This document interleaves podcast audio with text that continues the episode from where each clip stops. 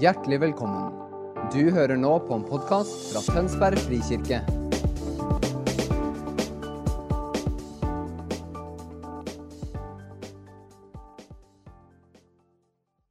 En kjær venn av huset, andre gang eh, her i Tønsberg frikirke. Du kommer tilbake igjen i år, Leif Hetland. Gi Leif en varm applaus.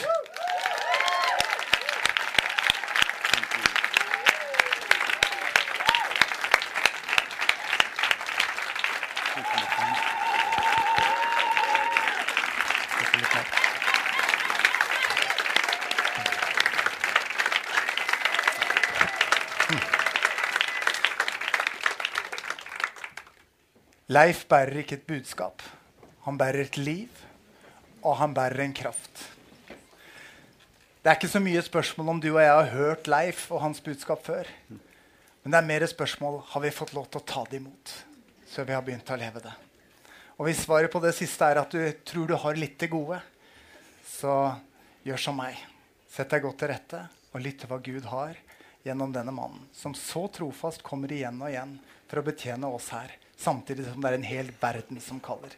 Tusen takk, Leif. Takk skal du ha. Bare ta så La meg få se. Det er bare det at lyset her, så jeg vil gjerne bare se disse nydelige ansiktene til alle sammen. Ja, flott. Nå, ja, der er det jo. Vi sa det litt for moro skyld litt tidligere for meg. Det, det har vært litt spøk angående jeg er en av de få nordmennene som går rundt og kysser folk. Så jeg var egentlig på en stor konferanse i USA der Jeg kom nettopp fra en konferanse der de sa er, er alle nordmenn sånn som deg?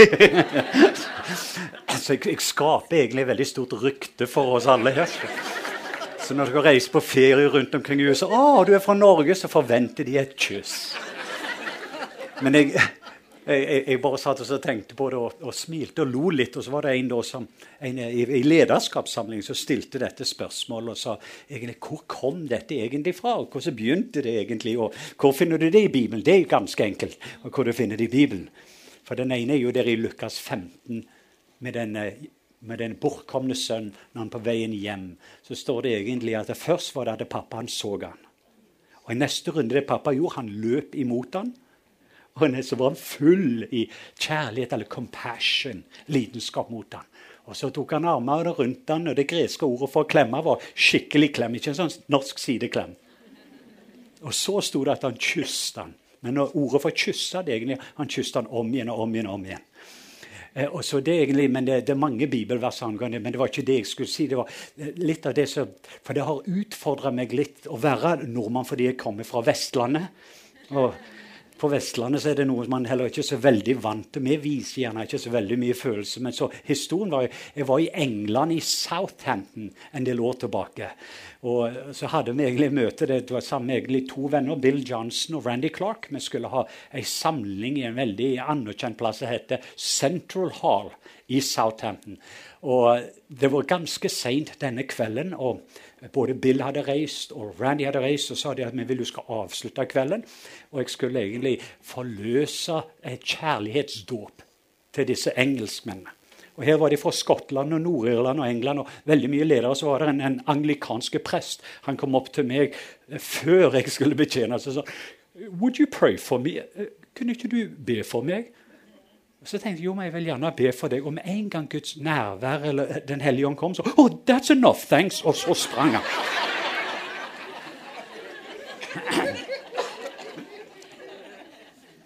Så jeg, jeg, smilte litt, og etterpå så var det plutselig at det, og, og, jeg har vært i en sånn fase, og de som kjenner til Jeg skal vise en liten video nå. Men jeg har vært i den fase der at jeg ønsker å gjøre det jeg ser du gjør. Og noen ganger så er jeg feil. Jeg vil du skal høre. Det er Noen ganger jeg ikke alltid hører riktig, men jeg vil heller gå ut av båten og gå på vannet og synke enn å sitte i båten og lure på hva som foregår. Jeg bare sier, jeg lever et liv på den måten. Er bare risiko. Så jeg har skåra noen mål, men jeg har bomma mange ganger òg. og noen ganger så skriver jeg bøker om hvordan du bommer. Så, så, en del av disse tingene kommer ikke fra styrke, men kommer fra svakhet. Og De som kjenner livet mitt, vet at eh, jeg har en del arr på denne norske kroppen. Så det er ikke bare at man har historie, men det er at man tok risiko. Det er et annet ord for tro. Så jeg vet ikke, men noen ganger så vet jeg ikke helt hva jeg skal gjøre. Og det var en sånn en samling, for de hadde, man hadde hatt ufattelig sterke helbredelser og mirakler. Alt hadde blitt lagt. Og så skulle du ha siste kvelden. Og så følte jeg bare Den hellige ånd. Det var på en eller annen måte, Jeg har hatt denne perioden jeg skulle til Pakistan ikke så lenge etterpå. Og en del andre ting, så da følte jeg bare Den hellige ånd sa Etter denne mannen, denne engelske presten, så sa han kan ikke du bare gi alle et godt kyss? Så først tenkte jeg dette kan iallfall ikke være Gud. For er det aldri kysset noen utenom kona, og jeg er lykkelig gift? Men så, neste, så kjente jeg hjemme, så visste jeg jeg hadde nettopp hatt en samtale. Hvis han ber meg å gjøre noe, så skal jeg gjerne gjøre det. jeg vet ikke alltid om det er riktig hvilken stemme jeg hører, men så det,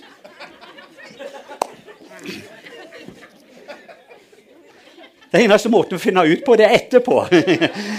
Var det noe forandring i livet på folk, eller etterpå? Så, så, så du, du anerkjenner det ikke ved alltid røttene. For du vet ikke hva som skjer med røttene, men fruktene. Og det kan ta en god tid. Men det jeg sier bare om med Den dagen så ble det en stor forandring. Klokka halv tre på natta så var vi ferdig med den siste personen. Drakk, jeg drakk åtte flasker med vann og teamet mitt, og vi gikk rundt over 700 i den salen av ledere. Men så seinere fikk jeg høre historien. Så dette har egentlig en liten sånn, Det har vært mange andre ting, men hadde det ikke vært for den, det ene bildet du kommer til å se på videoen, som er kobla til denne lille biten Andre ganger så sier pappa bare gi de et blikk, og andre ganger så gir de en klem. eller Uansett, det, det er mange forskjellige ting han sier, og så prøver jeg bare å være lydig overfor det han sier. Og, og, når han ber meg gjøre noe, Men jeg kunne ikke ha gjort det jeg gjør i den muslimske verden hvis jeg ikke var denne lille gutten med en stor pappa. Så jeg vil bare du skal vite at jeg prøver egentlig å bli mindre for å kunne gjøre en del av de større tingene. Og Noen ganger så må du gå lavere ned. og Når en lite barn, når jeg er rundt barn, så legger jeg merke til disse barna. at Hvis jeg har en liten gutt, om det er en ateist så kommer det et lite barn komme opp og vil be. For jeg har noen venner som reiser opp barna sine når de er små. Det bare å gå rundt og ber for folk. Og hvis jeg kommer, så har de litt problemer en del. Men når disse barna kommer, så er det plutselig. Og så la jeg merke det. Ikke å være barnslig, men å være som et barn. Når det gjelder en del muslimsk lederskap, en del av de tingene Paul og jeg snakket nettopp, en del av de tingene jeg får gjøre og være med på, det er egentlig når du plutselig begynner å oppføre deg som et barn. Og til og med en del av disse lederne de sa at du går under radaren. og så forandrer det en del ganger den atmosfæren. Så jeg ønsker bare å være fri. For den som Sønnen setter fri, er virkelig fri. Og der Den hellige ånd er til stede, der er det frihet. Og nå ønsker jeg å være fri. Jeg ønsker å være meg sjøl. Jeg reiste fra USA, kom hit for, for å være meg sjøl. Og jeg er i en prosess og skal dele litt av den prosessen i dag. Jeg har det veldig mye moro for tida. jeg har vært gift, lykkelig gift med Jennifer nå i 30 år den 25. mars. Wow! Så dette året her er egentlig en veldig veldig spesielt år for oss. og kjenner at det er så mange ting jeg er takknemlig for. og Veldig takknemlig for dere. og Være sammen her med Morten og Bergjot og familien. og Hanne Therese og Geir, som på en måte de ble som en mamma og pappa til min datter Courtney. Datteren min Courtney flytta hjem til Stavanger. Og Først så var det veldig vondt for pappa å se at hun reiste hjem, men, eh, men jeg visste hun fikk et godt hjem. Og bodde hos Hanne Therese og Geir, og Imi-familien har tatt seg av datter min og Det er det som er så fantastisk flott med familie. Og jeg vet at En del av dere som kom til det, så jeg kom utafor her, men for meg så er vi én familie. Eh, vi er en stor familie her i Norge, og du bør begynne å bli vant med det, fordi at Gud er en familie. Gud er en far, Gud en sønn, og Gud en hellig ånd.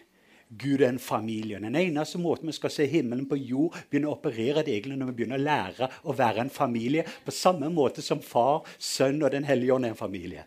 Hvis du ser på far, så peker han alltid på sønnen. Sønnen peker på ånden, ånden peker på sønnen, og sønnen peker på far. Det er den hederskulturen. Der alle heier på hverandre. Der man ikke egentlig tolererer hverandre, men vi feirer hverandre. Der du ikke ser folk ut ifra det som er deres problemer, det du ikke liker, men du kan finne gullet i hver eneste person. Og så får du den wow-effekten. At det er min søster det er min bror. Og noen minutter så kommer dere for oss, eller unnskyld, I løpet av helga så kommer du møte Paul Jada, som er en filippinsk sønn. En åndelig sønn fra Filippinene. Du kommer til å høre litt mer av vår historie. Men nå når du ser oss sammen i det gamle systemet, så var det egentlig når Gud bruker han på så sterke måter, folk snakker om hvor utrolig han er, så pleide vi å ha dette. Men nå er det sånn wow! For det som er takhøyden på én generasjon, har blitt gulvet til den neste generasjon. Så nå i neste runde det man bør begeistre seg over, ikke lenger det man får lov til å gjøre, men det man får lov til å være. å få lov til å se en ny generasjon av sønner og døtre som reiser opp. Så på en eller annen måte har fått oppleve dette kongelige hjertet som begynte begynt å regjere i livet ut ifra kjærligheten. De er full på kjærlighet, de er full på kraft og full på visdom. Og det begeistrer jeg meg for. For mange av de tingene som tok oss mange år, begynner de også å få tak i. Det heter ei arv. De lever ifra ei arv istedenfor for ei arv. Men jeg er så takknemlig for generasjonene rett bak meg. Så kan jeg bare føle dette med bestemor og bestefar i huset. så her har vi bestefar og besteforeldre, og dette er generasjonsbevegelse. Det neste vekkelse i Norge ikke en ungdomsvekkelse, men en familievekkelse. Og derfor, Hvis du vil se hvor fienden har angrepet, så kan jeg godt fortelle hva Gud gjør. Og hva er det egentlig som gjør at fienden er så nervøse på dette som har med ekteskap, dette som har med familie, dette som har med identitet? Det er egentlig, Hvis du ser egentlig på hva fienden gjør, så vet du også hva Gud gjør. Jeg trenger ikke engang være profet som gjør det. Men problemet er egentlig at mange ganger så begynner vi å fokusere på det fienden gjør, istedenfor det Gud gjør. Fordi Hvis ikke du klarer å se det han gjør, så er det veldig vanskelig for deg å komme inn og bli en del av den gode nyheten. Så når det er mørke problemer i Norge, så har vi ikke egentlig et mørkeproblem, men mangel på lys. Og lys er alltid sterkere enn mørke. Og Det er det som er gleden av meg, er det jeg får lov til å være lys. Å være med å skape en forandring. Men for å gjøre det, så trenger man en forandring. Og Derfor er vi sammen i løpet av disse dagene. Ikke bare for å få en forandring, men for lov til å bli en forandring. På grunn av å forandre mennesker forandre mennesker. Mennesker som har blitt satt fri, setter mennesker fri. Og den som har sett oss fri, den som Sønnen setter fri, er virkelig fri. Men i neste øyeblikk, når du blir fri, den som sønnen og døtrene setter fri, de blir virkelig fri. Og Det er det man skaper pga. himmelen. En plass av frihet. Det er det religion, der er det bonde, der er det frykt. Det må vi kontrollere, det må vi manipulere. Men når vi skaper inn og begynner å ære hverandre, sette pris på hverandre, så skal vi begynne å få se det som Gud har ønsket over dette landet vårt. Og Det er en av grunnene jeg kommer hjem til Norge. Jeg sliter mange ganger når jeg kommer hjem til Norge for mange grunner. Men eh, noe av det har egentlig at eh, når du kommer hjem til Norge, så har du en historie i Norge. Og Derfor er det veldig viktig at du ikke bærer på en del av de tingene, men du har minnesteinene. Så du ser det som Gud har gjort, og det Gud har sagt om Norge. Og Derfor er jeg veldig begeistra. Jeg er ikke her fordi jeg ikke vet hvor jeg skal bruke tida mi. Jeg er her pga. jeg er her for å investere i noe som jeg ser Gud gjør. Og noe som jeg vet at det, det er hjertet som pappa Gud har for dette landet. En Gud som elsker dette landet så høyt. Det Hele motivasjonen til Gud er en kjærlighet for dette landet. Og du har autoritet over de områdene som du elsker. Kan jeg si det en gang til? Du har autoritet over de områdene som du elsker. Og Hvis ikke så trenger du bare en oppgradering i kjærlighet. Men så har du òg autoritet over det du gråter over. Så kjenn igjen tårene dine som har med lammets natur av Jesus. Jesus er ei lam, men hun er ei løve. Men ikke prøv å gå ut der og være ei løve hvis du ikke er først lam på innsida. Og Når du ser Johannes' åpenbaring og du ser inn i fremtiden, så er det noen av dere som må lese den boka på nytt. Og nå sier det bare ut ifra kjærlighet. I mange mange år så elsker jeg å lese Johannes' åpenbaring med en god tanke, fordi jeg gleda meg sånn til at Jesus skulle ta meg ut ifra denne verden. For jeg visste ikke hvordan jeg skulle få Jesus inn i denne verden. Men så begynte jeg egentlig å se etter kjærlighetsdåpsopplevelsen. Så begynte jeg å lese at dette er egentlig åpenbaring om Jesus Kristus, ikke Antikristus. Og Så begynte jeg å se ved kjærlighetsbrillene og framtida, og den framtida er så lyset at jeg må nesten få dansesko på. Du, du, må jo bli glad, for det er jo en sånn en god nyhet. Dette er åpenbaringen av Jesus Kristus. Men det siste jeg skal si før videoen er egentlig at det, Men når jeg leser Johannes' åpenbaring, vil du skal bare være veldig klar over det. At Jesus er 24 ganger lam og én gang løve. Alt jeg sier når du ser på framtida, ikke undervurder lammets kraft.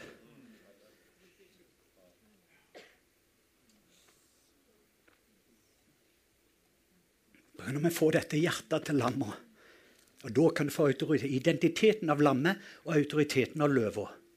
Og da når løvebrølet kommer fra denne kjærligheten, så forandrer du atmosfæren. Atmosfæren forandrer ikke deg. Og Det er derfor jeg tror at Gud reiser opp en fantastisk familie av sønner og døtre som er full av kjærlighet, full av kraft, full av visdom. De går inn og lærer, og det er det vi skal gå inn i dag og snakke litt om. Vi lærer å være lam. Men også i neste runde så trenger vi å lære å operere som ei løve. Men så har du kun autoritet over de områdene der du er trygg på kjærligheten. For de områdene der du er trygg på kjærligheten, der er du trygg på Gud. 1. Johannes 4, 16 så sier det at Gud er kjærligheten. Det er ikke noe Gud gjør, men det er noe som Gud er. Og i neste vers, vers 17, så sier han som jeg er, slik er du i verden. As I am, so are you.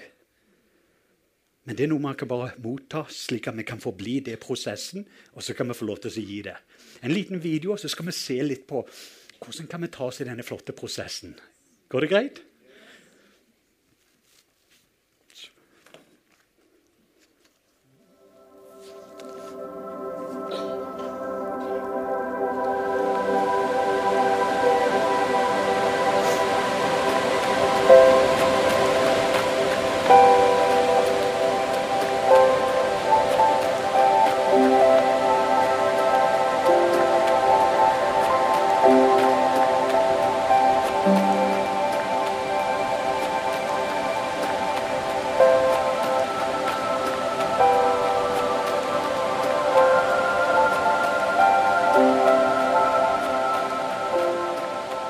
To live life in the kingdom of God is the ultimate journey. But no matter how much you've seen, you know deep down there is more. There is a longing in every heart, from the greatest leader to the most humble follower. Each one knows they're made for more than this. What if I told you there is a place where who you are in your identity is more valuable than anything you could do?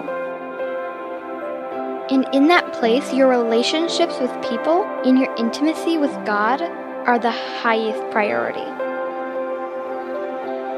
What if there was a people who chose to honor the past in a way that made every generation relevant? The young and the old are both valuable to the future.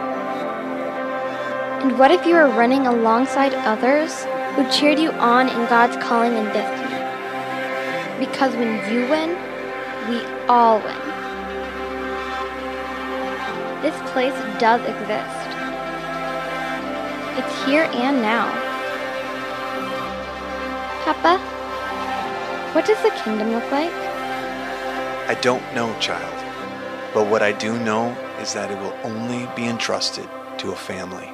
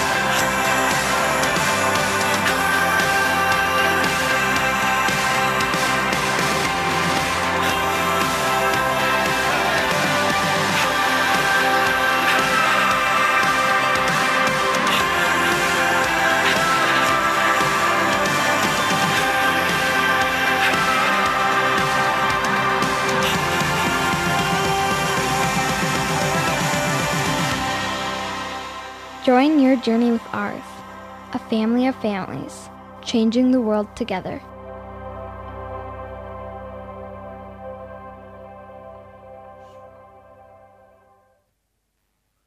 Kan vi bare gi Jesus en god applaus?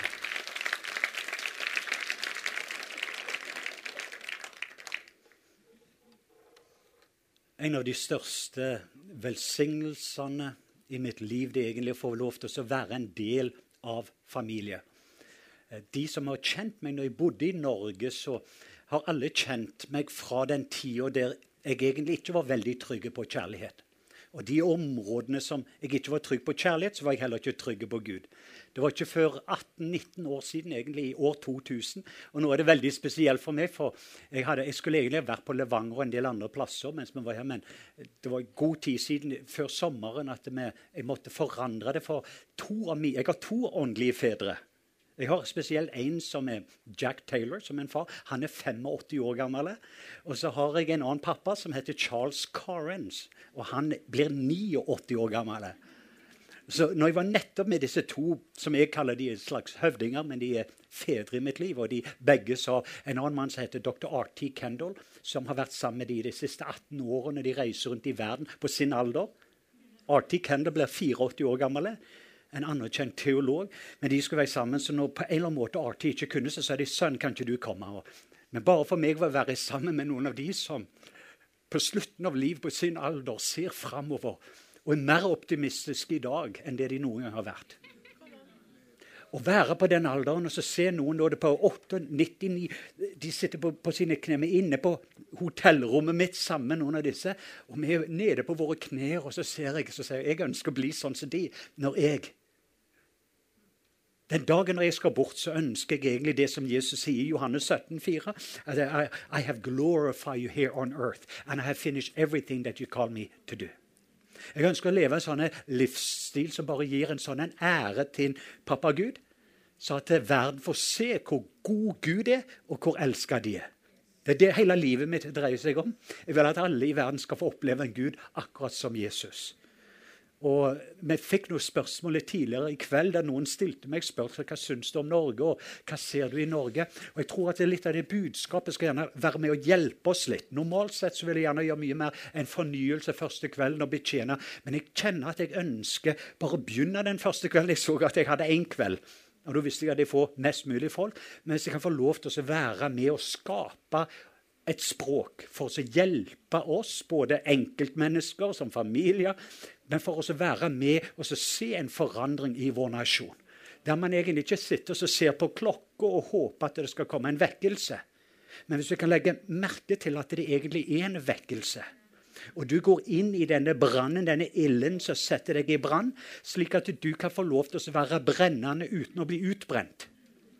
Og For å gjøre det så trenger man lære å brenne olje av intimitet. Jeg åpna Bibelen, så laga dette møtet gyldig. Og, og, Jeg får unnskylda litt av norsken min, men jeg har bodd i USA 27 år. Og i Norge 26. Og må være ærlig, det siste året så har jeg slitt en del med Ikke direkte norsk i seg sjøl, hvis det gjelder bare å snakke, men tenke. Så jeg tenker på amerikansk som jeg oversetter det på norsk. Og Det gjør at jeg ofte blir litt sånn sliten, for jeg har disse ordene og tankene. Men litt av det, den undervisning som jeg går sammen det er noe som Paul Jada og meg sjøl. Som jeg sier, han er en åndelig sønn. Men i nesten 13 år siden så begynte vi, og de som har vært på skolen, og de som har vært med på noen av møtene tidligere, kjenner til vår historie, og du får nok høre mer av det til helga. Men vi holder på å skrive ei bok i sammen, og vi har skrevet en del material. Det meste du vil finne, om det gjelder han som taler eller meg som taler, så vil du ikke vite hvem er det egentlig som har kopiert av hvem. For jeg tror vi har vært på en sånn reise sammen at du vil bare hele tida dele med egentlig sammen. Og det er jo det som er så fantastisk. egentlig. Hvis én kan ta 1000, to 10 000, hva kan 400 gjøre? Når vi plutselig begynner å komme inn, og det er det man gjør, vi lever et liv i sammen, og, og, og deler åpenbarelse, og så deler vi seire, men også deler nederlag og, og med en familie der alle har en plass med familie som bor.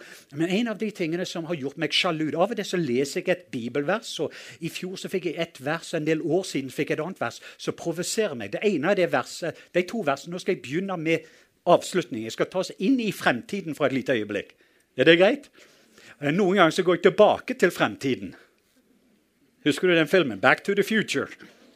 Men denne gangen vil jeg gjerne av og til begynne med fremtiden. For av og til så er det litt viktig å forstå hvis jeg skal vise deg en skog i fremtiden, og så tar jeg i prosessen hvordan det var et tre en gang i tida. Og da går jeg tilbake til det frøet det begynte med. At det Noen ganger så hjelper det oss gjennom de prosessene hvis du kan begynne med avslutt. Hvis du kunne se Norge slik som Gud ser Norge. Og det som er Guds lengsel, så hjelper det meg noe. Om tre og en halv uke så blir Paul med meg til Pakistan. Og Vi skal gjøre en del ting der som er litt sånn veldig grensesprengende. Det som trenger å hjelpe meg gjennom prosessene, det er egentlig for et lite bilde så jeg kan få se. Fordi at Når du får både synet og hørselen med det som Gud gjør, så er det mye mer hjelpsomt for meg i disse prosessene når jeg går gjennom ting som er kamp, og det er Goliat står foran.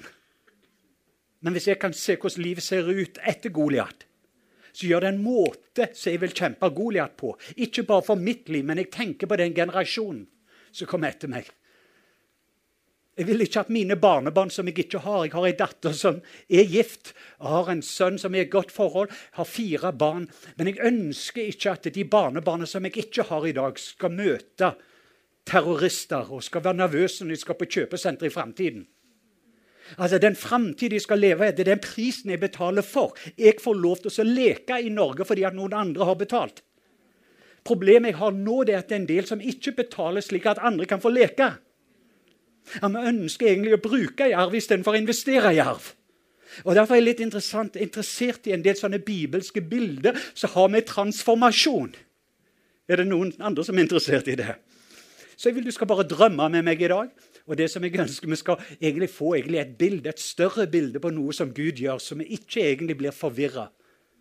Men en av mine helter og våre helter, denne boka som vi holder på å jobbe med, heter egentlig dette som 'Rain in Life'. Hvordan å lære å regjere i livet. Et annet som vil være en subtitle, 'The Heart of Royalty'. Hvordan reiser vi opp disse hjertene, kongelige hjertene?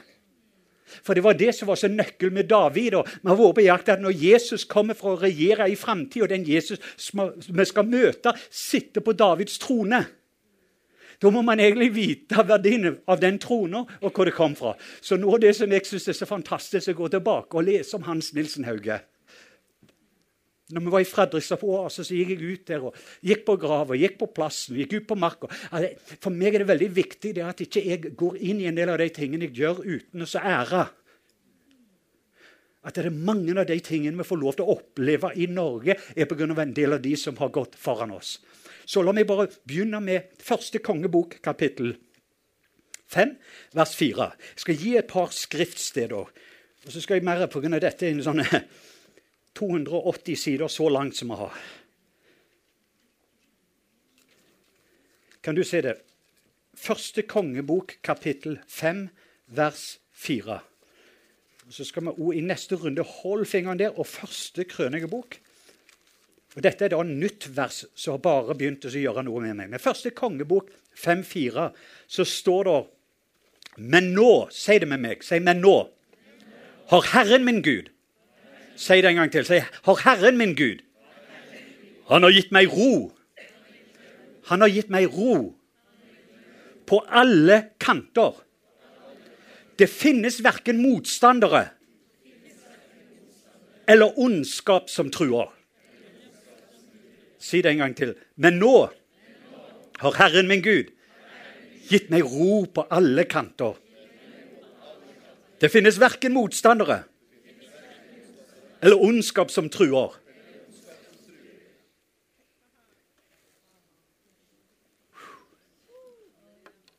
Bare drømmer meg et lite øyeblikk.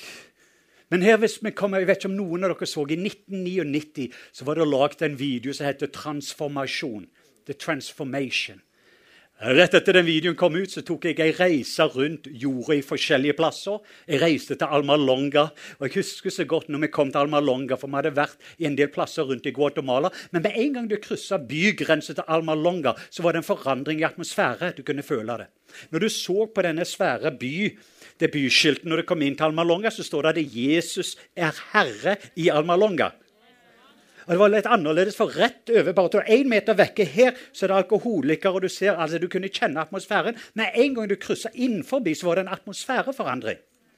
Fordi at Det jeg var på jakt etter, det var et evangelie, en god nyhet som hadde egentlig på en eller annen måte påvirka alle områdene av samfunnet.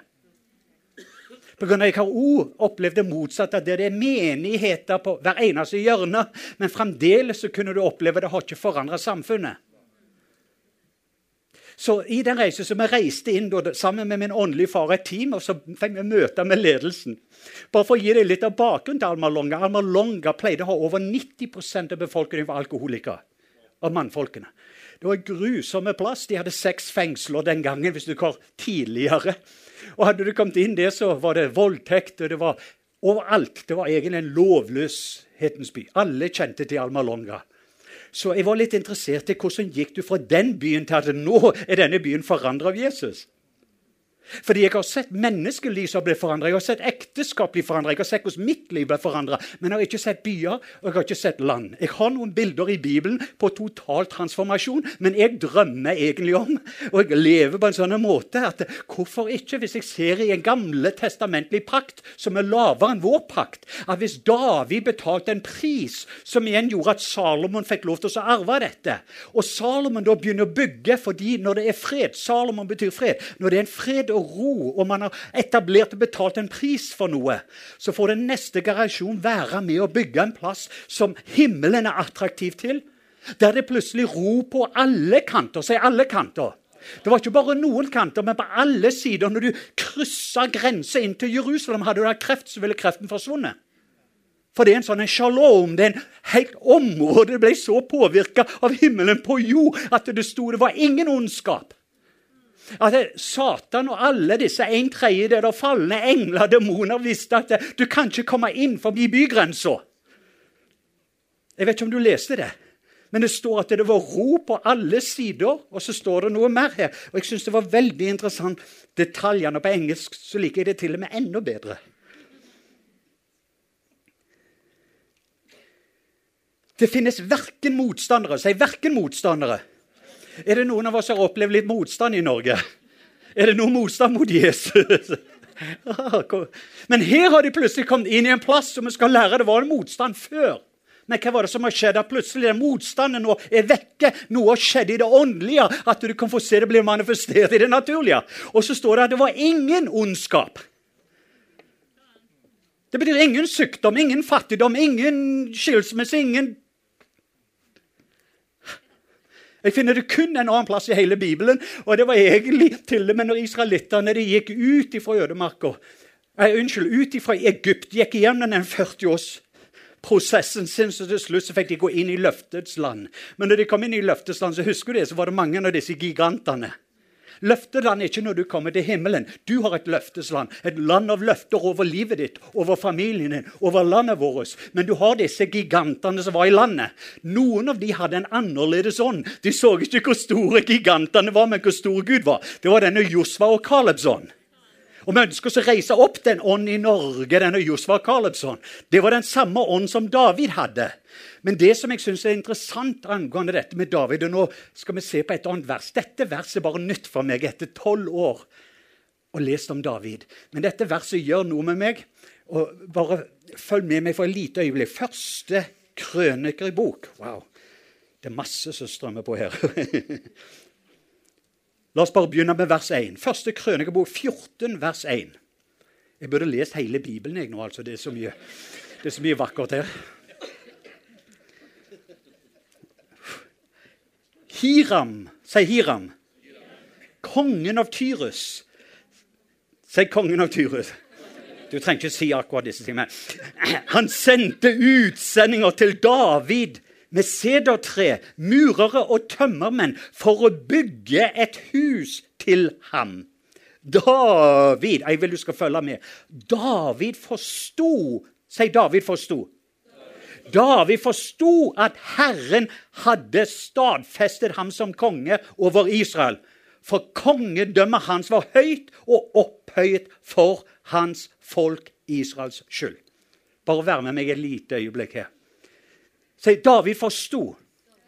På engelsk så sier det noe annet, og hvis du leser ordet i den originale teksten, så like, men jeg vil gjerne prøve å bruke ordet And David perceived he was king over all Israel. Jeg vil du skal følge med. David er allerede konge over hele Israel, men han har ennå ikke forstått det.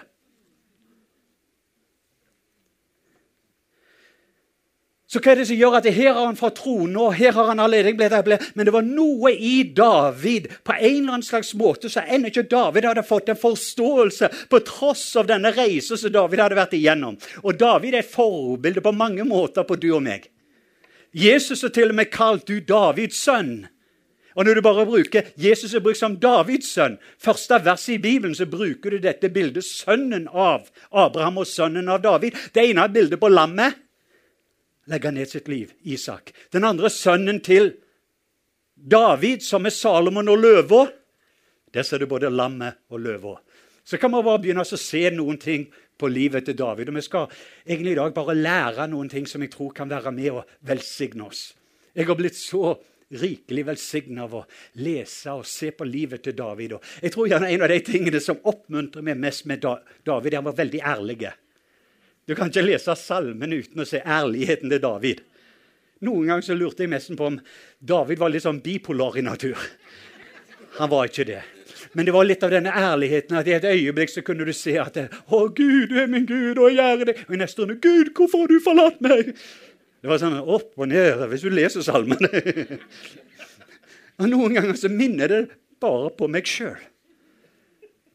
Men David, hvis vi skal gå tilbake på historien, og du kan skrive ned noen av disse versene Første Samuels bok, kapittel 16, vers 1. Dette er et nøkkelvers. Et nøkkelvers. I Første Samuels bok, kapittel 16, vers 1, så bruker du dette bildet Og det som var Samuel, sier Samuel Samuel var en dagens mann. Han la merke til at Den gangen var Saul Saul var et menneske etter menneskets eget hjerte. Mens David var et menneske etter Guds eget hjerte. La meg bare si det en gang til. Kong Saul, som var den første konge som Israel hadde Samuel hadde hadde salva han til å være konge. Det var ikke det egentlig det som jeg synes er litt interessant. Det, vet du hva som skjedde i første Samebok kapittel 10, vers 1? Det er egentlig Før de tok olje og salva Saul til å bli konge, så ga de han et herlig kyss. Og Grunnen jeg tror det er at det er ganske farlig og livsfarlig for oss å få mer salvelse enn vi har kyss. Hvis man har mer kraft enn vi har kjærlighet. Hvis vi har mer løver enn vi har land. Og Det jeg tror som Gud gjør, det er derfor jeg sa fremtidens kristne i Norge, sønner og døtre i Norge, vil du se, de ble kjente med dette, så har vi lammets natur og virkelig lammet. Og så i neste runde løver kom ut av denne lamma. Og I neste runde røsten kom til å bli hørt, og de forandrer atmosfære. Og det er kun den løva, det er en annen løve òg, visste du hvem den er? Align who Seek whom he may devour. Så til og med fienden er brukt som ei løve. Men vet du, det er den løve til fienden er livredde lammet. Glem aldri lammet. Og Det som jeg liker så godt med David, var i det verset så, så du det var en solnedgang på Saul, og så ble det en soloppgang på David. Og Det er rett av den forandringa at det som hadde det beste vi kan gjøre for Gud. og Det som har med det livet hva vi skal gjøre for Gud, det var en solnedgang. Så Gud han kom inn og brukte Samuel, tok bort den salvelsen og flytta den på fremtiden. Men så var det en lang prosess. En prosess. En gang til. Si prosess. Hvor mange av dere har profetiske ord over livet deres? Hvor mange her har mer profetiske ord enn det du har fått sett liv? Hvor mange i dette rommet du er ikke lenger den du er, men du har ennå ikke blitt den du skal bli? Ah, ok, Noen av dere gjør meg litt utrygge her, men vi begynner å nærme oss her. Glem ikke kysset.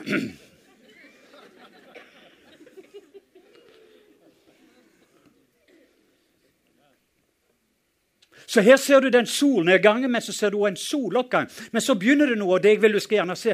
Så nå David, nå Gud kom inn og sier nå er jeg på jakt etter min neste konge. Og Du husker historien. Samuel går, og de skal samle sønnene til Jesse. Og, og når de kommer sammen og de samler seg opp, og han kommer der han er klar med salvelsen, og det må jo være personen. Går på Universitetet i Oslo, gatt en doktorgrad. eller Her er den neste sønnen. Wow! Og Så går han nedover, men så er det ikke en eneste av de. Så ikke, Har du ikke en annen sønn? De tok ikke engang David med seg. Derfor tror jeg at eh, den neste generasjonen, den neste vekkelse, er et bilde på en del ansiktsløse. Det kommer ikke til å være noen superstjerner, men det kommer til å være mange superhelter. Og superheltene det er alle sønner og døtre som wow, har disse hjertene. Og Jeg tror at en del av oss skal få hjerteoperasjon i dag. Jeg bare kjente det. at Noen har tunge hjerter. Noen har såra hjerter. Noen har bare hjertene begynt å bli litt hardt. og andre har, Det er forskjellige typer grunn hjerter som vi bærer på. Og jeg tror at det er det Gud ønsker i dag, det er egentlig å gi oss hans hjerte. Et hjerte etter hans hjerte. Lammets hjerte. Han skal egentlig være med til den ene, ene filmen min som en av mine favorittfilmer heter 'Secretariat'. Er det noen som har sett den? Secretariat. Å, den filmen dreier seg om en hest, og det er sanne historie. Den hesten er ikke like stor som de andre hestene. Men denne hesten gjorde noe som ingen andre hester hadde klart. Han vant det det heter Triple Crown den gangen. De tre store derby. Og han vant Kentucky Derby. Men senere prøvde de å finne ut, og filmen dreier seg om hesten og alt. Og det er egentlig en fantastisk eh, kristenfilm, så den er trygg å se. Iallfall har en del ting som forherliggjør pappa. Men det de gjorde, de prøvde å finne ut hva var det som gjorde at den hesten vant. Vet du hva de fant ut? De tok Når den hesten døde, så tok de egentlig åpna hesten opp. Og når de fant hjertet, så var hjertet fire ganger større enn andre hester. Men jeg visste det var et profetisk bilde på en del av de som løper løpet. Det som skjer egentlig med en del av våre hjerter, det er kapasiteten i hjertene våre. Sånn. Og det var det David hadde. David, som jeg sier, Gud. Det var noe med hjertet til David som himmelen i seg sjøl sier at det, Og det er noe som jeg har vært begjært etter. Som jeg sier, De siste tolv årene så har jeg sett etter to personer. Den ene er Johannes. Og grunnen jeg liker Johannes så mye, Johannes fikk tillit til både framtiden og de tingene som kommer. Johannes var den eneste av disiplene som fikk oppleve en del med Jesus som ingen andre fikk. Men Johannes hun fikk lov til egentlig å ta seg av Jesus i mor. Og Når Jesus ser på mor, så pekte han på Johannes. Når han ser på Johannes, så pekte han på mor. Når Jesus skulle bort, så visste han, for Johannes hadde dette i hjertet. Og Om igjen og om igjen så var det en ting som du ser med Johannes. Johannes elsker Johannes på samme måte som Jesus elsker Johannes. Kan jeg si det en gang til? Det som har vært en mangel i mitt liv det er egentlig, Etter jeg fikk kjærlighetsdåpen, så begynte jeg å elske Gud fordi Gud elsket meg først. Og jeg begynte å elske mennesker, elske verden og elske de personene. Men fremdeles har jeg slitt med den ene tingen som jeg så at Johannes hadde. Jeg hadde opplevd veldig mange forskjellige ting, men David òg hadde den samme tingen. Det er egentlig at David i løpet av sitt løp fikk et nytt hjerte, som egentlig ble pga. Gud så på hjertet hans. Og til slutt, på tross av sine svakheter, så fikk han et hjerte etter Guds eget hjerte. Og Det var noe som har med denne relasjonen at David var en venn av Gud. Er det noen andre som ønsker å være venner av Gud? Jeg, jeg, ønsker ikke bare og som jeg sier, også ha en liten besøkstid. Jeg ønsker å være i denne prosessen. Så David begynte sitt liv i Betlehem. Si Betlehem. Denne tida i Betlehem så lærte David å bli natur... Unnskyld. David lærte å være trofast i det naturlige. David spilte i harpa. Han er der ute og tar seg av sauer. Jeg vet ikke hvorfor, hvorfor ingen andre ville ta seg av sauene til far. Men David var en som på en eller annen måte hadde et hjerte for sin egen far. Tok seg av disse sauene mens han var der ute og så en lite lam. Så han ville i det ene øyeblikket så han ville gi seg liv for å redde det ene lammet. Den kjærligheten som vi har til lammene. At han ville gjøre hva som helst for å få tak i det lammet. Det hadde noe med det hjertet av et lam. Der han lærte fra lammene Seinere, egentlig, når han skulle være en konge og få lov til å være med og regjere. Og Romerne 5,17 kaller hver eneste av oss å regjere sammen med han. Så litt av årsakene at vi egentlig ikke har Norge i den posisjonen som Gud ønsker, det var Gud ser etter sønner og døtre som vil være med og regjere sammen med han. På samme måte som Jesus. Full av kjærlighet, full av kraft, full av visdom. Og Da må man gå gjennom disse prosessene. Den første prosessen det er Betlehem. Si Betlehem. Der vi lærer å være trofaste i det naturlige. Si naturlige. Vi lærer å spille i harpa, vi lærer tilbedelse, worship.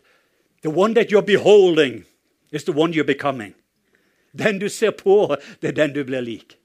Og det David gjorde, han begynte å lære seg var ute på markene. Han spilte ikke denne harpa fordi at en dag så skal jeg stå foran kong Saul, og han kommer til å få mareritt, og jeg kommer til å forandre atmosfæren. Men den dagen det var mareritt på Stortinget, så visste Gud hvor han skulle finne en David som kunne forandre atmosfæren. Fordi den perfekte kjærlighet som du har tatt imot, den kaster bort all frykt. Jeg tror at Gud ønsker å reise opp en generasjon som får motta og bli denne kjærligheten som igjen gjør at den vil bare forandre atmosfærene. Fordi den atmosfæren som man har Jeg sa det når jeg gikk på kontoret. Og så sa jeg at det er veldig godt kompliment til huset. Men bare begynte å gå inn på kontoret og gikk inn, så sier det noen som spiller harpa her. Det jeg visste det at det, er olja. Det er noen her mens ingen ser på, som har vært inne. You've been in the secret place. How do I know? Because of the secret. Altså, Du har vært inne på dette hemmelige skattekammer med Gud. Og de som får hemmelighetene, de vet hvordan de skal gå inn. Den er plassen der du finner hemmelighetene. Og det er alene sammen med han. Og David hadde ikke noen agenda. Han hadde Gud. Og Det var en som han ønsket mer enn noen ting. Bare å være sammen med han. Og den du er sammen med, det er den du blir lik. Og den du har blitt lik, det er den du vil være med å forløse rundt alle de menneskene som er rundt deg. Han lærte å bli lam, men hun lærte å bli ei løve. Han lærte å bruke ei harpe, men hun lærte å bruke ei slynge. Og Noen av oss vi trenger å lære, og det tror jeg er så viktig både på skolen her og litt av det vi skal gjøre i helga.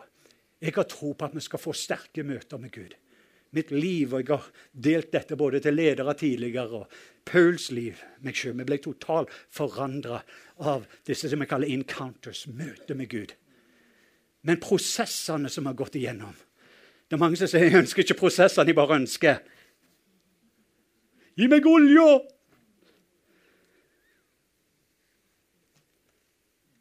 Så David de sier 10 000 timer brukte han. Så når jeg ser noen av disse musikerne som er her oppe Wow, tida går fort når du har det moro.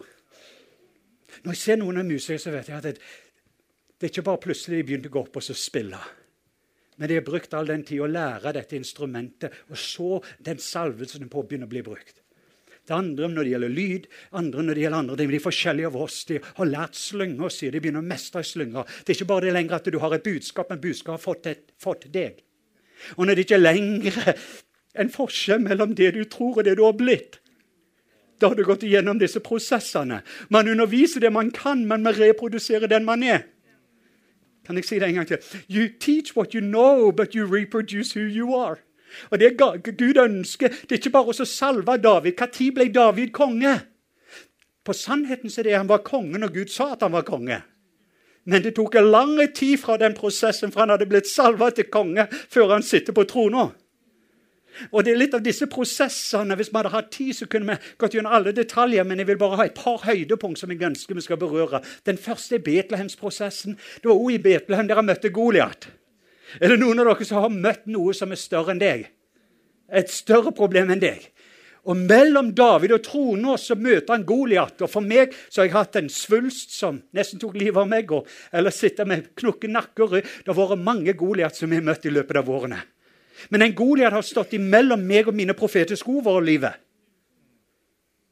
Så når jeg møter denne Goliat Jeg hadde nettopp et møte med Goliat ca. to uker siden. Etter fem måneder dette øret har vært oppstoppa. Og så en forferdelig ringelyd. Og så det man kaller vertico, svimmel. Og Det er ikke så veldig lett og behagelig, for du vet ikke fra øyeblikk til øyeblikk hvordan det skal være. Og Det var dette angrepet som kom med en gang vi bestilte at jeg skulle til Pakistan. Så begynte alle disse angrepene å komme. Men til slutt så var det egentlig jeg begynte å trekke meg tilbake, og alt dette begynte å forsvinne. Men da visste jeg med en gang dette er jo en Goliat. Og så husker jeg veldig godt, for jeg skrev ei bok om Goliat, som er til og med på norsk. Og det var som Den hellige ånd sa, Leif-boka di. Hvordan overvinner du den kjempa som ligger foran deg? Og Da visste vi en gang en del av de tingene som Gud hadde gitt meg i disse prosessene nå, når jeg står foran Goliat. Og den ene slutter å snakke om Goliat, snakk til Goliat. Så det var en del av sånne ting jeg bare begynte å praktisere med egen bok. Så jeg leser egentlig min egen bok. Det er første gang så, Noen ganger så skriver du, men nå begynner han å skrive i deg. Og du går gjennom prosessene. Jeg skulle ønske at etter Goliat kommer ned, og noen av oss får oppleve det. Det er gjennombrudd, og kreften forsvinner. eller Du får et gjennombrudd i livet. Du er i denne prosessen ikke pga. synd i ditt liv, men pga. trofasthet i ditt liv. Så går det ikke egentlig fra Betlehem, og dette litt av svakheten i våre systemer, som jeg er en del av. Det er egentlig at vi snakker av himmelen på jord. Og det har jeg veldig stor tro på. For det ber vi i Fader vår. Det er min pappa, din far, vår far, vår himmelske far. Vi ærer ditt navn. Vi skal se ditt rike komme. Din vilje skje. Hva er det som hans vilje? At det er det som er i himmelen på jord. Men noen ganger det man ikke ser, det er egentlig de prosessene for de som egentlig får oppleve det David fikk oppleve. Så vi ønsker egentlig å bygge ei bro fra det profetiske ordet eller den tingene vi fikk, og helt inn til Sion. Sion er når du begynner å regjere når du har fått trona. Men mellom Sion og Betlehem så ligger det to store stadier. Og Noen av dem liker man ikke. og Den ene det er egentlig Adullam. Adullam det er egentlig nå pga. Davids trofasthet. Det som skjedde, det var egentlig i neste runde. så Favorittsangen som gikk på iTunes Favorittsangen i Israel var Sølv kan ta ett tusen, David til tusen, ti tusen over radiostasjoner så begynner denne sangen. Det ble favorittsang, og folk begynte å skryte av David. Og i neste øyeblikk, istedenfor at David skulle være denne helten som var trofast, og noen gang har vært der, istedenfor å gå rett inn i tronen, så gikk han inn i hula. Og neste syv et halvt årene så er han i hula, dampehula. Snakker du om Paul? Snakker om våre opplevelser, så er det umulig uten å snakke om hula. Snakke om nettene. Vi snakker ikke bare om høsten, men vintertida i livet. Når alle ting dør. Og denne prosessen, men En del av den prosessen i David i hula fra, fra et menneske etter Guds hjerte, så reiste han opp en kultur etter Guds hjerte. Og én person ble 400. Og mens David hadde sine største behov, det var da jeg traff Paul ja da, akkurat i det skiftet i mitt liv etter et av de største gjennombruddene 13 år siden, så bang, så plutselig har vi 400 med sine største behov. Hva gjør du? Og så Sammen så begynner vi å gå inn i Guds nærvær. Wow! Og det er tre ting som du får tilbake i den perioden. Si det med meg. Så identitet, verdi og drømmer. Det du vil finne med de 400. De kom der, og vi skal se en del av det i Norge. Du ser denne dullen, vanlige personer som deg. Du blir egentlig fordi at uten noen navigasjonssystemer, uten GPS, uten iPhone Hva er det som gjør at 400 personer finner David i ei hule? Når en konge, en hel hær, leter etter han. Men 400 personer finner han. Og Det er det samme med en del av oss. Disse hjertene. Du er der i det nærværet og begynner å bære på det, så plutselig i neste runde så ble det en forandring av en atmosfære. Og mange av de personene de kom til David, 400, og de ble forandra i den atmosfæren. De fant si harpa, og de fant si slynga. Og når de var ferdig etter syv og et halvt år, så var det ikke lenger enn David som hadde en drøm om ei trone. Det hadde blitt en familie. Og Hver enkelt av de hadde noe, de hadde sin identitet. Nå visste de hvem de var, og de visste hvem Gud var. Og de lærte dette egentlig når de bare var sammen og de spilte harpa sammen. Da vi bare tok det inn i dette nærværet der de så hvor stor Gud var. Og det var ingen andre ting som kunne være større. David lot de bli fri fra fortida si, fri fra skam når det gjelder nåtida, og fri når det gjelder frykt når det gjelder framtida. Og han har hjalp de andre, alle, hver eneste person, og sier nei, det er ikke den du er lenger. Du er verdifull. Og verdien til hver eneste person Jesus døde ikke på korset for å gjøre deg verdifull. Han døde på korset fordi du er verdifull. Det er en verdi i hver enkelt av oss i denne kultur. Så er det en del vi skal få se hvor verdifull vi er. Hver en av oss bærer en verdi som kan være med å øke verdien og forandre alle de som har mista sin verdi. Og Det er et hjerte som kan få 400 komme sammen og forandre de som får et nytt hjerte. Se hvem Gud er, men nå i neste runde Det de hadde i hånden, var med å forandre atmosfæren på deres arbeidsplass. på deres plass. Så det gikk til What do you have? I have a job on. What do you have? Og så begynte de å komme sammen. 400 totalt ett. Men sånn en enhet.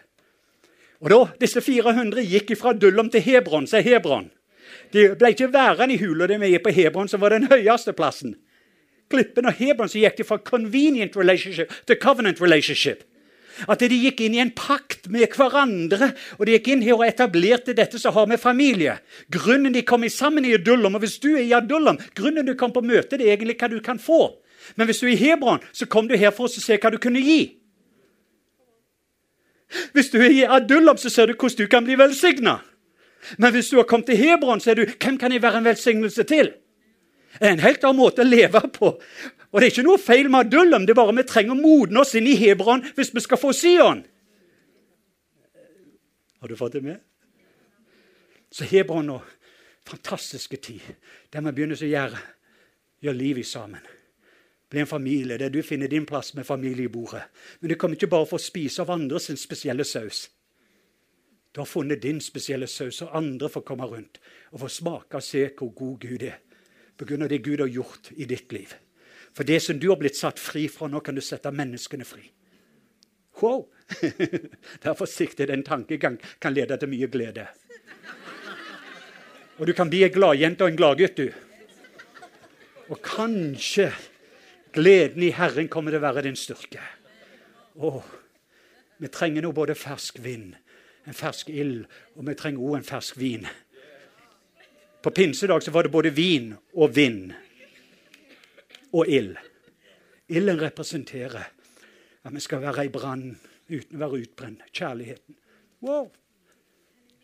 The passion of God. Vinden er the power of God. Guds kraft.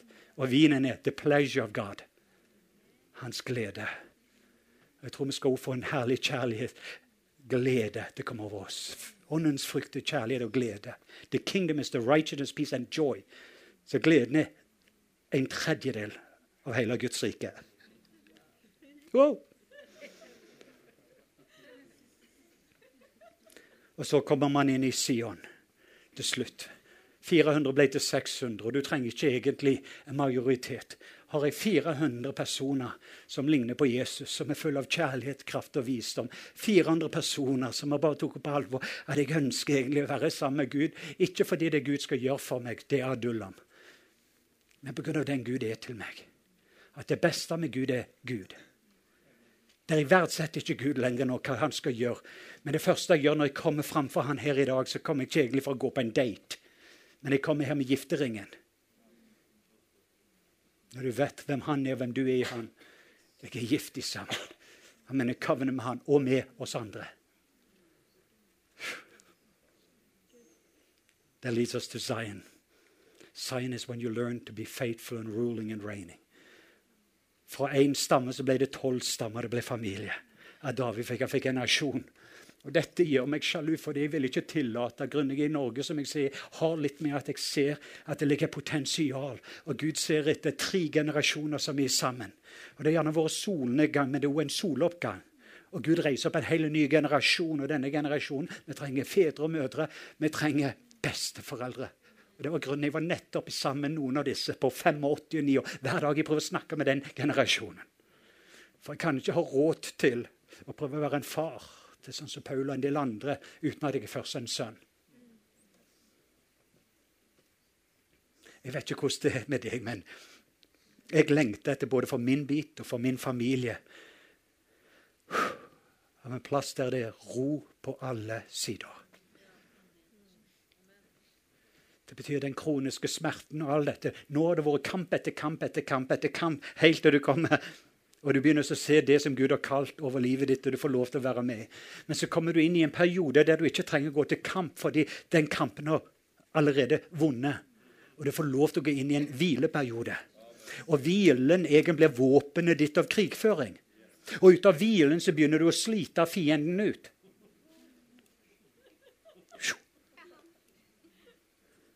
For det er ikke lenger en storm på innsida. Og Da har du autoritet å begynne å tale til de stormene som er rundt deg, rundt i familien. For når du sitter på den trona sammen med Han, så får du lov til å regjere i med Han, og det er det Han ønsker. Men for å gjøre det så trenger vi lammets hjerte. Og det er det han leter etter. Han skal finne noen fantastiske løver. Men du trenger ikke mange løver for å være med å forandre atmosfæren. Jeg har vært rundt noen løver. Vi har vært i Kilimanjaro og fulgt med på løvene. Men når Gud reiser opp en del av disse løvene i den perioden vi lever i Norge, i en familiesammenheng som har store hjerter og har en stor Gud Derfor er nøkkelen Vi ønsker ikke bare å gi folk slynger og lære dem å bruke slynger uten at vi først bruker harpa. Vi lærer å bli lam, løver, forandre atmosfære, for vår atmosfære blir forandra seg. Fra Betlehem går gjennom prosessen i Adullam og vintertid, og så kommer det inn i vår, og til slutt så kommer vi inn til innhøstningen. Og Det er innhøstningstid over landet Norge. Og Det er en ny generasjon av Salomon som skal komme inn. Men før det skjer, så reiser det opp en generasjon av Davids. Og En lite bilde, så skal jeg gjøre ferdig dette. Og Paul, if you can come up and help me, Paul. Because we're going to release. Men jeg bare kjenner det i dag at det, Wow. Når du ser på Salomon, der det er hvile Er det noen her i bare sitt eget liv som kjenner dette? at wow, bare, Der det hviler hvile på alle sider. Det ro på alle sider. Der det ikke er noe krig, kamp, hele tida. Noen av dem fikser den ene lekkasjen etter den andre. Og det som er fiendens våpen i denne tida, det er egentlig å slite oss ut. Og Vi hører på alle disse dårlige nyhetene, men det var tre ting jeg følte i kveld som han ønsker å sette deg fri fra. Den ene har med det som heter regrets. De tingene du ser tidligere på livet, og så begynner du å se tilbake. Det var det jeg skulle si med David. at vi hører, og Du tenker ofte på Bathsheba og fallet til David. og Hvordan kunne David gjøre det når var en menneske et eget skutt hjerte? Men det du skal vite, at det som skjedde med David David hadde da fått en oppgave, et kall til å være løve. Men det som var svake med David, det var den dagen når menn gikk til krig. Men David holdt seg hjemme. Og det var det som gjorde til fallet. For kallet det var å være løve, men han gikk hjem for å være lam når det var kallet det å være løve. Og det var da Batshiba kom, og feilene kom.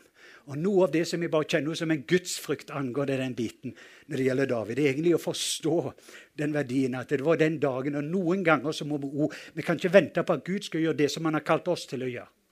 Vi kan kalle det bønn, men noen ganger så kaller Gud det ulydighet.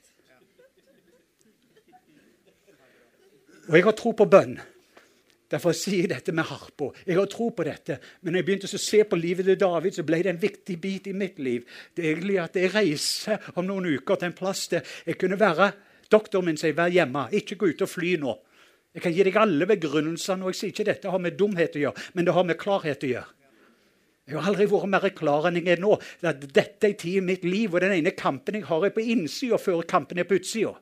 Og noen ganger er det en kamp du må kjempe før kampen du vinner.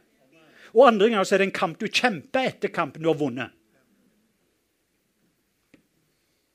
Så jeg vet at jeg brukte litt tid i på å være med og gi oss en invitasjon til å regjere sammen med Han.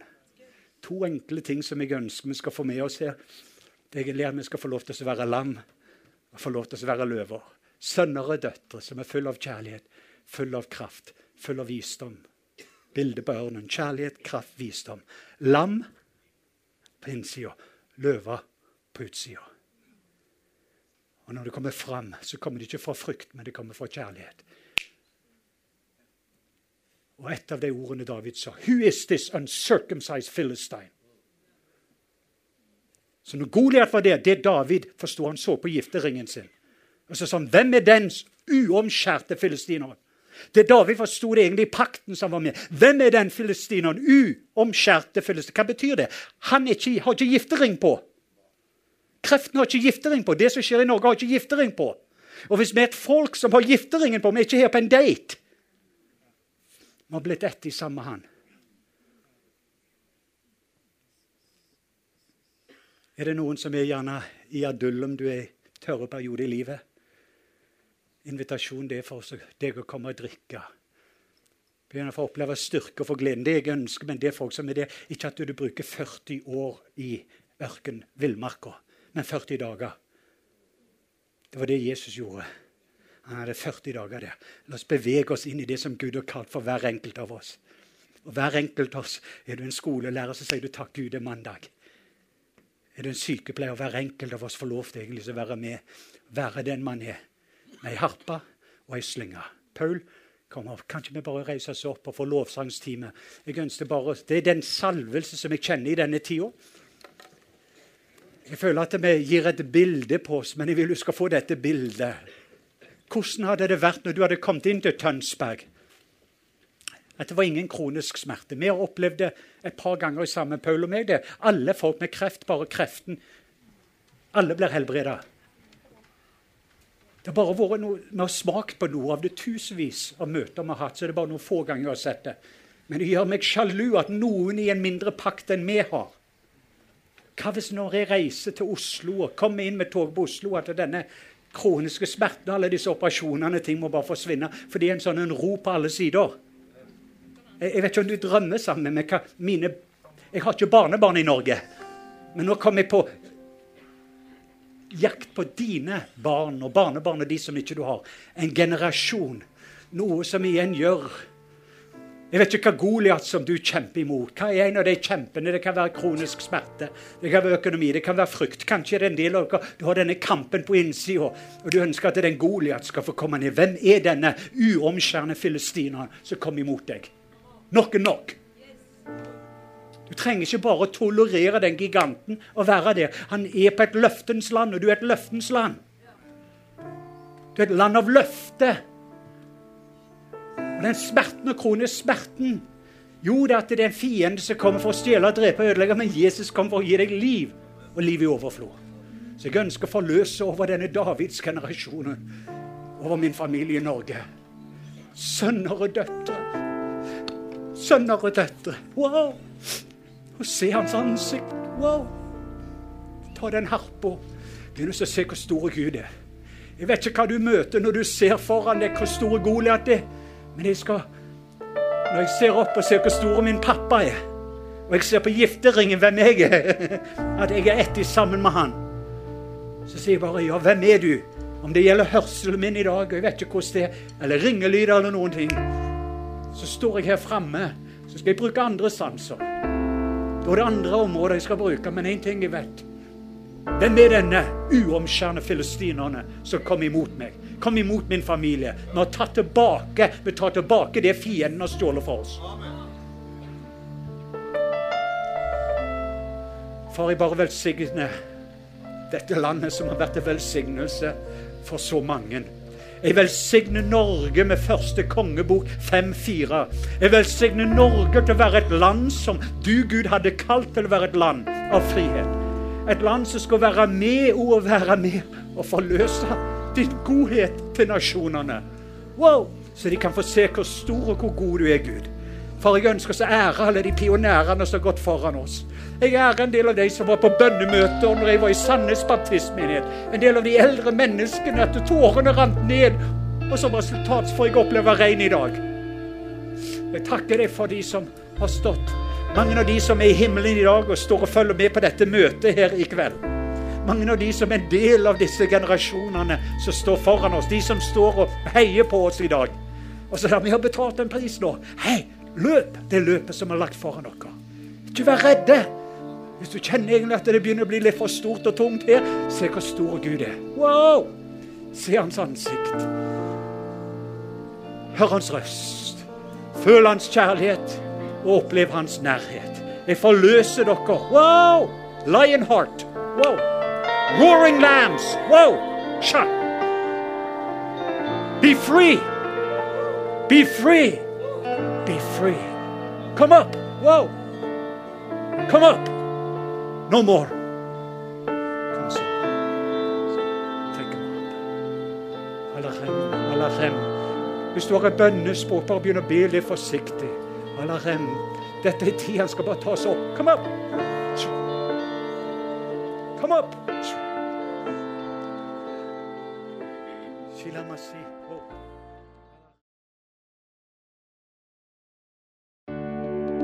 Takk for at du hørte på vår podkast. Har du spørsmål eller ønsker du å vite mer? Søk oss på vår nettside tonsbergfrikirke.no. Du er også velkommen til kirke på Brygga i Tønsberg.